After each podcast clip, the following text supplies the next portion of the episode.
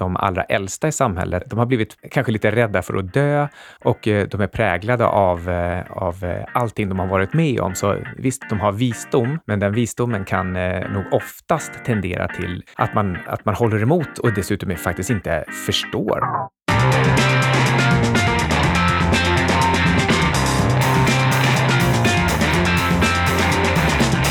Idag så ska vi prata om historiska mönster som har upprepat sig sedan ja, eh, så länge mänskligheten existerat. Och eh, det är åtta stycken av de här historiska mönstren som vi ska gå igenom. Och vi som ska prata om det här, det är alltså Ludvig Sundström och Carl Mikael Syding på 25 minuter. Ja, och alla de här historiska mönstren, det kan, de kan ses som en slags eh, dualistisk konflikt där du har två stycken olika krafter som håller på att motverka varandra.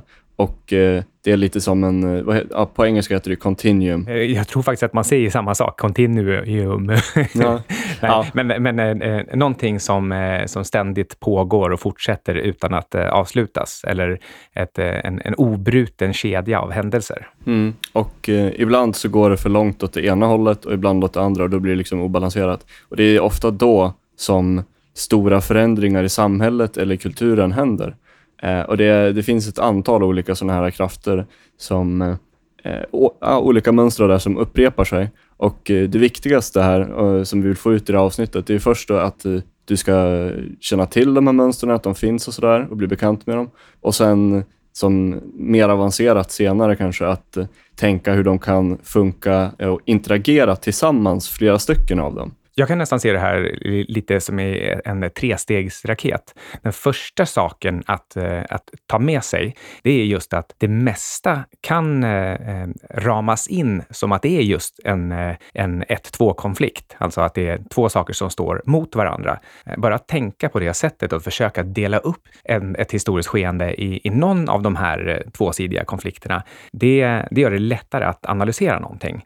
och sen nummer två, det är kanske vilka de åtta vanligaste historiska mönstren är. Mm. Ja, sen var det en, en, en, tredje raket, ja men just det förstås, att, och, och sen försöka använda de två kunskaperna till att eh, göra någon typ av prediktioner som man faktiskt kan använda till sitt beslutsfattande. Mm. Så det är veckans mindset att det finns återkommande mönster genom historien och de här olika mönstren beror helt enkelt på hur mänsklig natur fungerar och hur vi som gruppdjur eh, på återkommande och ganska eh, förutsägbart sätt gör vissa saker om och om igen genom historien. Oavsett om vi bodde i, i primitiva byar eller om vi har teknologi. Och vad gör vi för någonting? Ja, många olika grejer. Men eh, till att börja med så har vi den här konflikten mellan fattiga och rika, eller som det heter på engelska, haves and have-nots. Och eh, man kan ju börja med att säga att eh, BNP måste växa med ungefär 3% per år som minimum för att man ska undvika strukturella orättvisor eller ens den upplevda effekten i samhället att någonting går fel eller dåligt. Och det, här var också någonting som vi snackade om på Future Skills med ekonomen Tyler Cowen eh, när han höll på att analysera liksom liksom, ja, EU-krisen och allt det här med problemet med eh,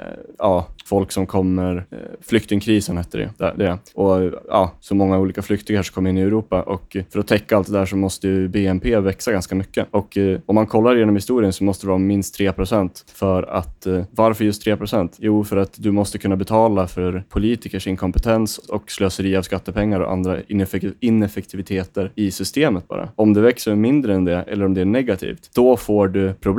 För då blir det så uppenbart med klyftan mellan rika och fattiga att det skapas uppror eller massa svårigheter i samhället. En gång i tiden, då behövdes faktiskt inte den här tillväxten. Då stod ju faktiskt ekonomin helt stilla århundrade efter århundrade. Vi, vi gjorde liksom ingenting nytt. Men sen kom den industriella revolutionen och då började vi bli vana vid att man ska få det bättre eh, på något sätt varje år. Och jag tror att det, det är ur det perspektivet man ska se att man, man är van vid att eh, det finns en typ av lärande och ackumulering av verktyg som gör att eh, ekonomin hela tiden ska gå framåt per capita.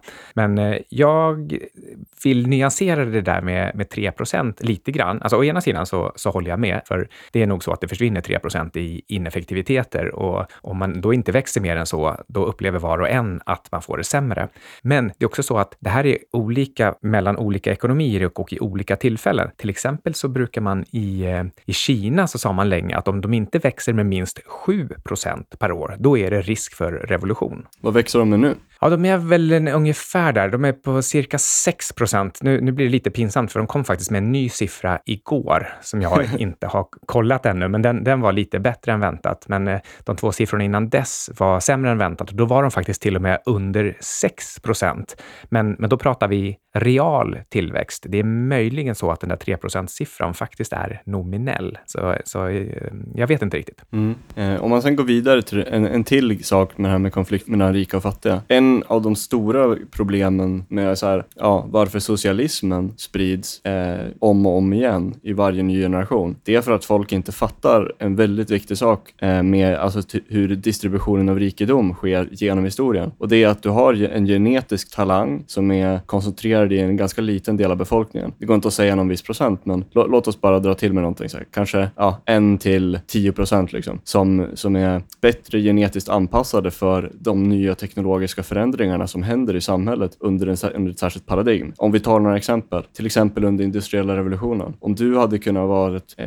ha någon slags, någon form av genetisk fallenhet för att vara en jätteduktig ingenjör och hitta på massa kemiska uppfinningar eller ång, ånglok eller ångmotorer eller någonting. Eh, då hade du haft en enorm fördel om du var född just då. Liksom. Däremot om du är född med det nu, då är det kanske inte det lika bra som om du skulle vara född med någon supertalang för att programmera eller typ komma på nätverkseffektsföretag. Eh, så ja, poängen är bara att du har en kombination av genetisk talang för särskild teknik under ett visst paradigmskifte och det leder till att vissa personer genom historien på ett väldigt förutsägbart sätt blir rika på ett, under en generation. Jag vill gärna understryka här bara att när man säger genetisk talang, då är det tänkt oerhört brett. Man kan till och med räkna in som talang att man har viljestyrka eller ihärdighet för att det i sin tur underlättar deliberate practice och att man faktiskt blir riktigt bra på någonting. Eh, men sen förstås också så kan man ha genetiska talanger som styrka eller längd eller bra syn eller faktiskt också bara rent generell eh, mönstrigenkännande och IQ. Mm. Eh, men man kan ta ett till exempel här för att liksom nyansera det lite. Och det är om man, om man tar det där med specifik genetisk talang för någon teknik. Ja, men om du tar typ eh, Steve Wozniak eller Bill Gates. De var ju, Steve Wozniak var jätteduktig på det här med de här tidiga datorerna och Bill Gates var jätteduktig på mjukvara. Och sen, sen har du också den här kombinationen av att inte bara vara de duktiga på det, bättre än medel, utan de var också födda på precis rätt plats så att de fick tillgång till teknologin precis när de var ny. Medan andra, även om andra hade haft också, också övermedeltalang så hade det kanske tagit dem 3 till 5 till 10 till 15 år att ens få, få tag på tekniken. Så att då, har ju, då har ju Bill Gates och Steve Wozniak en enorm fördel i sin inlärningskurva. Liksom. Så det är också ett, ett till exempel på liksom hur ja, orättvis världen kan vara, men samtidigt att eh, det är inte så mycket man kan göra åt det. Och det är bara att acceptera. Liksom. Ett litet tankeexperiment kan ju vara att om eh, Bill Gates var född ungefär samtidigt som eh, Jeff Bezos, då är det inte självklart att Bill Gates talanger och insikter och strategiska tänkande hade varit av samma sort som hade gjort att han hade kunnat bygga ett Amazon. Mm, exakt. Konflikten mellan eh, fattiga och rika, den känns som eh, kanske en av de största och viktigaste och mest återkommande. För den, eh, den leder till gång efter gång i olika länder och världsdelar och tider till slitningar som sedan ger någon typ av revolution och omstart. Precis, och det, och det är det som leder till det här med olika styrelseskick och olika regeringar och allt möjligt. Liksom. Hur samhället är uppstrukturerat. Och det, ja, så det är det viktigaste mönstret. Men om man sen går gå vidare till nästa sån här mönster, det är konflikten mellan socialism och kapitalism. Eller kanske bättre sagt, vänster och höger. Ja, det där med vänster och höger har jag ju lite att, att säga om. För jag, jag accepterar inte vänster-högerskalan. Jag tycker den är så oerhört eh, endimensionell.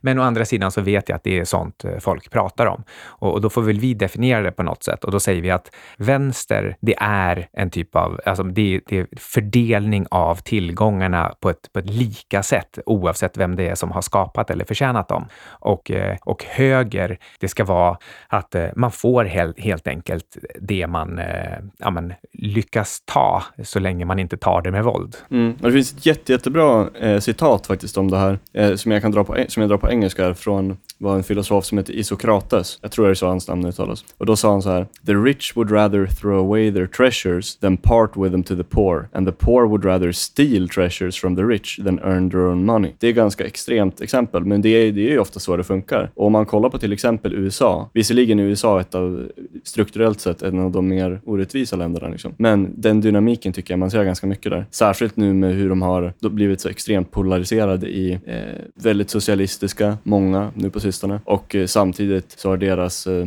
ja, eh, Donald Trump och alla de där, de har blivit ännu mer extrema än de brukade vara. Inte så mycket middle ground där. Nej, ett sätt att uttrycka det där med eh, vänster och höger också, det är att eh, man brukar säga att eh, till höger så säger kapitalisterna att alla får gärna bli precis så rika de kan på att sälja till varandra. Men till vänster så säger man att eh, vi vill att alla ska vara lika fattiga. Mm, mm, mm. Nej, men det, den här konflikten mellan socialism och kapitalism, den har ju egentligen fanns inte de två begreppen förrän ja, någon gång från och med 1700-1800-talet. Liksom. Men var det inte nästan, var det väl Marx som, alltså Marx som hittade på det? Jo, men det har ju funnits, eh, inte, inte specifikt socialism, men det har ju funnits ganska liknande ideologier eh, innan, till exempel under franska revolutionen och sådär. Jo, precis. Konflikten är tidlös, men, ja. men det var väl Marx som satte ord på den och förklarade tydligt hur det här hänger ihop. Jo, det har du rätt i. Det har du rätt i. Mm. Men, men det, det som jag tycker är den viktigaste saken, i alla fall för mig med, det här, med den här konflikten, det är att ingen för extrem ideologi tror jag funkar i ett större samhälle. Däremot så tror jag extrema ideologier, vare sig åt vänster eller höger, kan funka jättebra i ett mindre samhälle som har kanske, eh, låt oss säga bara så här, 10 000 invånare eller någonting. Och det som, om du tar Singapores modell, nu, nu vet inte jag exakt hur många de är där, några få miljoner, men det Eh, deras system skulle nog inte kunna användas på ett land som har 100 miljoner människor. Sverige brukar ju faktiskt ses som ett exempel på ett sånt här litet, tajt land som har kunnat ha faktiskt en, en, en helt eh, unikt extrem eh, politisk eh, situation, det vill säga världens högsta skattetryck. Och ändå så har folket faktiskt haft det nästan bäst i världen på massor av olika punkter. Så, så vi var lite av en sån extremverkstad som, eh, som testade en extrem vänsterpolitik och faktiskt lyckades väldigt länge. Men annars så finns en annan extrempolitik i litteraturen som, eh, som är lite rolig och det är Atlas Shrugged av Ayn Rand, där de riktigt kompetenta företagsledarna, de tröttnar på att arbetarna ska eh, ta så stor del av deras kaka och, och gnäller hela tiden. Så de, eh, de sticker och lämnar företagen vind för våg åt folk som är för inkompetenta för att sköta dem. Och då faller allt ihop i en, en enda enorm depressionistisk svart hål. ja, men det, det, där är också, det är en hur bra bok som helst. Jag undrar hur, hur det skulle funka med en sån ideologi i ett samhälle som har mer än 10 000 invånare. När du har en större grupp av människor, då blir det för mycket. På engelska heter det social leaching. Det, är så här, det finns ett skitbra experiment med det där när du har dragkamp. Så det är helt psykologiskt att då är det bara de längst, längst fram och längst bak som gör nästan allt jobbet. Och det är inte för att de andra inte kan, utan det är för att de andra helt enkelt ser att de andra tar i mer och så känner de att de inte behöver göra så mycket. Och det, det, det är inte att de tänker tänker på det, utan det är hjärnan bara slutar göra någonting. Har du dragit dragkamp några gånger tillräckligt för att ha stått på alla tre positioner? Eh, Nej, det har jag inte. ja, jag, jag har det. Men, och, och, det är faktiskt så att det är lite, det är lite svårt i mitten också. Alltså, det, är, det är svårare att hitta ett sätt att ta i ordentligt. Men jag kan definitivt hålla med om att förutom den effekten så, så känns det som att det jag tar i liksom inte bidrar. Och, och då, då stänger hjärnan av lite grann. Att även om jag egentligen vill och vill försöka så, så blir det inte lika mycket output. Ska vi gå vidare till tredje mönstret som är konflikten mellan unga och äldre? Och det här är faktiskt någonting som vi nästan rört på lite i ett ganska tidigt avsnitt och för inte så länge sedan också med eh, det här med mentor och adepter. Kommer du ihåg det? Ja, absolut. Mm, och det är, det är lite liknande ämne. Så att eh, den här konflikten mellan unga och äldre, det är både en, eh, en, en bra konflikt, men det är också en en dålig konflikt på så sätt att om du har till exempel det här med social media som hände för kanske fem år sedan nu, innan, innan det kom in i populärkultur, så här att den effekten som social media kan ha på folk, eh, både, både individuellt som att det kan påverka folk dåligt och förstöra deras uppmärksamhet, så där, men också att det kan leda till de här olika grejerna i samhället. Eh, och sen skapades ju alla de här begreppen, eh, echo chamber och eh, Fan, jag har inte koll på de här grejerna. Men du, ja, du vet vad... Filter, ja, filterbubbla. Ja. Ja, alla de där begreppen som liksom, om man är uppvuxen i, i alla fall i min generation, då är det så här att det är så uppenbart att så här, du behöver inte ha ett ord på det. Men Ja, varför finns de orden? Jo, de finns för att det är en massa äldre personer i samhället som inte har koll på det och eh, de måste ha ett begrepp för det. Och eh, det, just det är konflikten mellan unga och äldre just där. Och det är ett exempel när, det, när konflikten är dålig. För att de äldre personerna, de kan inte förstå hur de yngre beter sig eller håller på med. Och då, då, blir det, då kan det bli problem i samhället för att folk inte, på stor skala inte förstår varandra. Och de missförstånden kan leda till väldigt stora problem i politiken eller företagande. Mm, absolut. Och, och sen kan man också lägga till att eh, unga har en mer naturlig energi och nyfikenhet och, och tar till sig de här nya sakerna och dessutom är, är orädda nog och kanske lite naiva att, eh, att testa dem fullt ut utan att riktigt förstå konsekvenserna, långsiktiga konsekvenser. Medan eh, de, de allra äldsta i samhället, de har, eh, de har blivit liksom, kanske lite rädda för att dö och eh, de är präglade av, eh, av eh, allting de har varit med om. Så visst, de har visdom, men den visdomen kan eh, nog oftast tendera till försiktighet och eh, att man, att man håller emot och dessutom faktiskt inte förstår. Man kan inte ens sätta sig in i och förstå uppsidan med det här nya. Det, som, det var ju faktiskt bättre förr. Var, varför, varför ändra något som funkar ungefär? Och, och, och den, den konflikten, man kan verkligen förstå varför den uppstår, och man kan heller inte säga att det är någon av de inblandade som har helt fel heller. Mm. Jag eh, jag lyssnade, jag satt och jobbade lite igår, så lyssnade jag på, en, på någon låt. Alltså, det var en rappare, en rappare som heter Fabulous. Väldigt roligt namn, men han är en bra rappare. Och eh, då var det en, en sak han sa som, som har att göra med det du sa. Han sa så här att I'm old enough to know better, but I'm young enough not to give a fuck. ja. Och jag, tycker, jag tycker det är klockrent sagt, det är precis vad du säger. Liksom. den här dynamiken mellan äldre som de har uppnått en viss visdom, men samtidigt kan de inte kanske sätta sig in i vissa saker. Och de undviker saker som kan verka helt idiotiska idiotiska. Men på grund av det så missar de också den stora uppsidan i att ta extremt stor risk.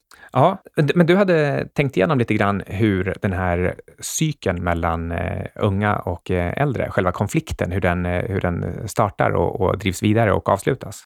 Jo, nej men lite som du sa där, alltså unga personer mellan, ja, säg 15 till 35, då är din frontallob, din PFC, den är på högvarv. Du har mycket högre dopamin, du koncentrerar dig mer, du har förhöjda energinivåer och sånt där. Högre risktagande, mer äventyr, innovation, mer ambition, stora drömmar, allt sånt där. Sen någon gång efter du 35, då blir du 30-35, då blir du mer rationell, helt naturligt, för att din hjärna är mogen och eh, Eh, om du inte har uppnått många av de där, dina visioner och drömmar och sånt där, då får du en slags correction. Då du helt enkelt, eh, eh, ja, du, din verklighet justeras. Liksom. Och eh, om man sen kollar på så att säga medelålders, någonstans mellan 35-55, då, då antingen så har du uppnått dina idéer och så har du, du har fått en stark så, så, kallad reinforcement, så att du fortsätter på en bana, eller inte. Och då måste du ha en correction. Liksom. Och det är det som är medelålderskrisen, att det, hela ditt paradigm, och hur du upplever verkligheten, måste justeras. Och det är ju såklart smärtsamt om, om det inte uppnår förväntningarna. Jag kan ju påpeka här att eh, jag är ju 47, vilket innebär att då rent matematiskt så är jag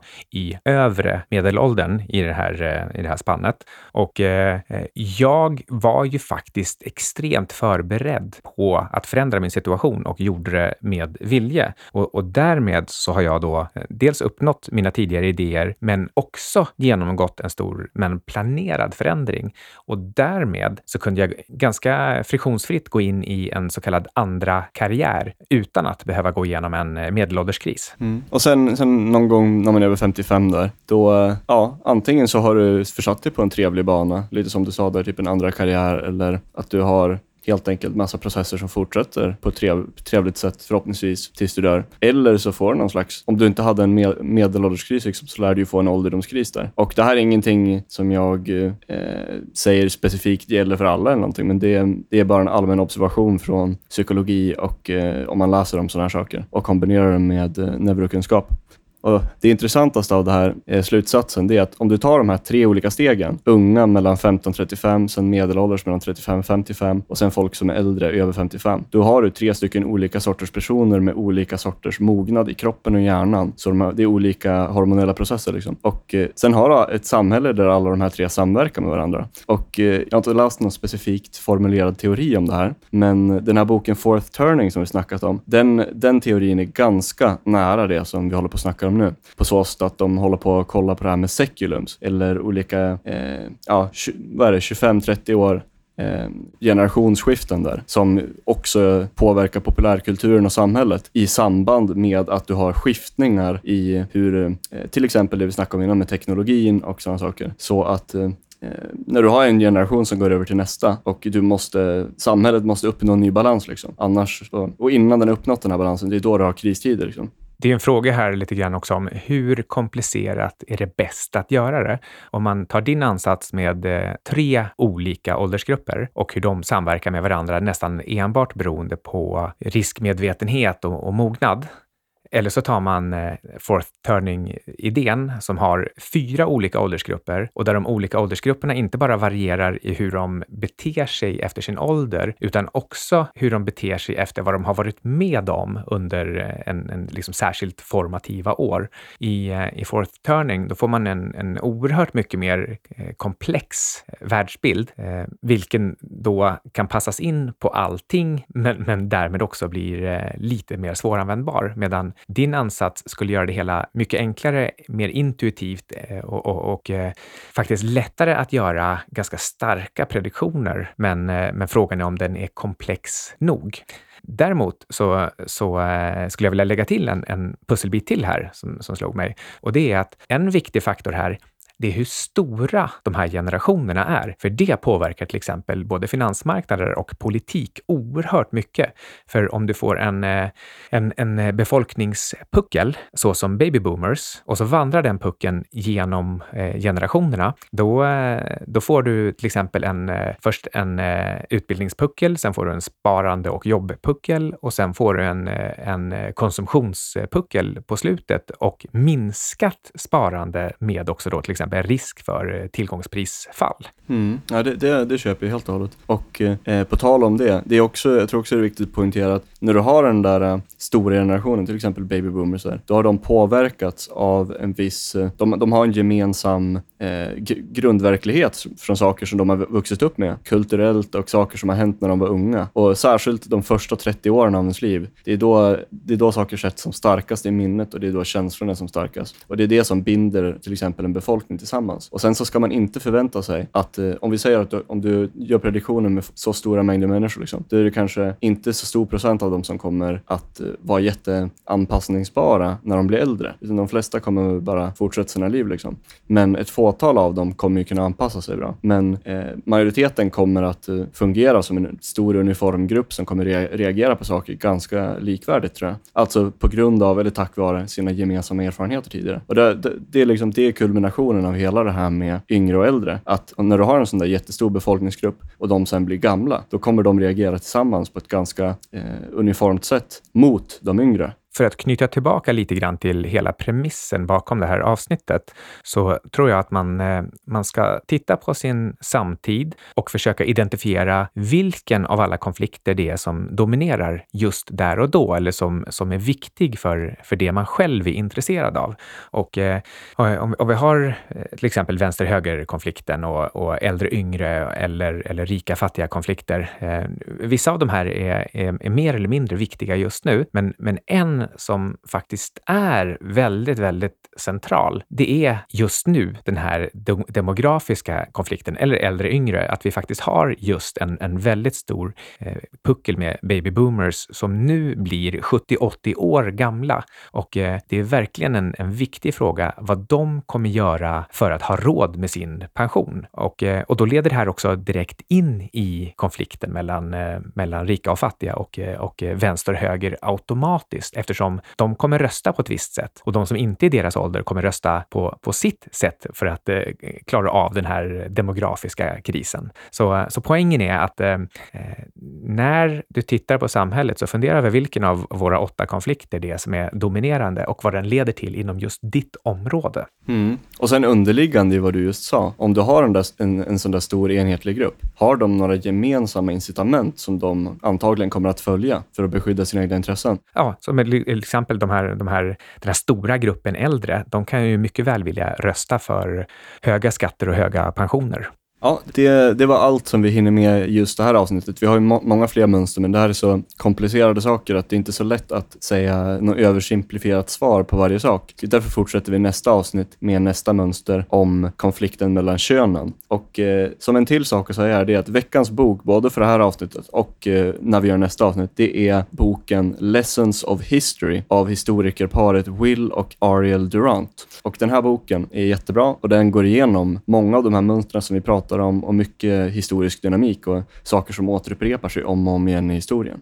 Och sen som sista sak att säga här, det är att vi har nyligen skapat The Future Skills Program som är, eh, ja, det är kulminationen av vår engelska och internationella podcast Future Skills, där vi där vi går igenom eh, viktiga system för att fatta bra beslut, för att ta hand om sina investeringar och eh, inte minst för att planera och optimera sin eh, karriär. Mm. Ja, specifikt så har vi två stycken olika moduler där, där den första är hur du kan få en bra start i din första karriär, eh, vad du ska specialisera dig i, hur du kan hitta en nisch och sådär och fortsätta på det. Och sen så har vi en annan modul som Micke presenterar som är mer avancerad när du är, har kommit en bit i din karriär och du vill vill tjäna mycket pengar och eh, de praktiska vägarna för att uppnå det. Ja, du kan läsa mer på www.futureskillsprogram.com info och där hittar du då en översikt av allt kursmaterial. Ja, du hittar även en länk i vårt avsnittsbeskrivning för det. Och eh, för övrigt så vill vi tacka Alexander Marton som klipper ihop det här antagligen väldigt eh,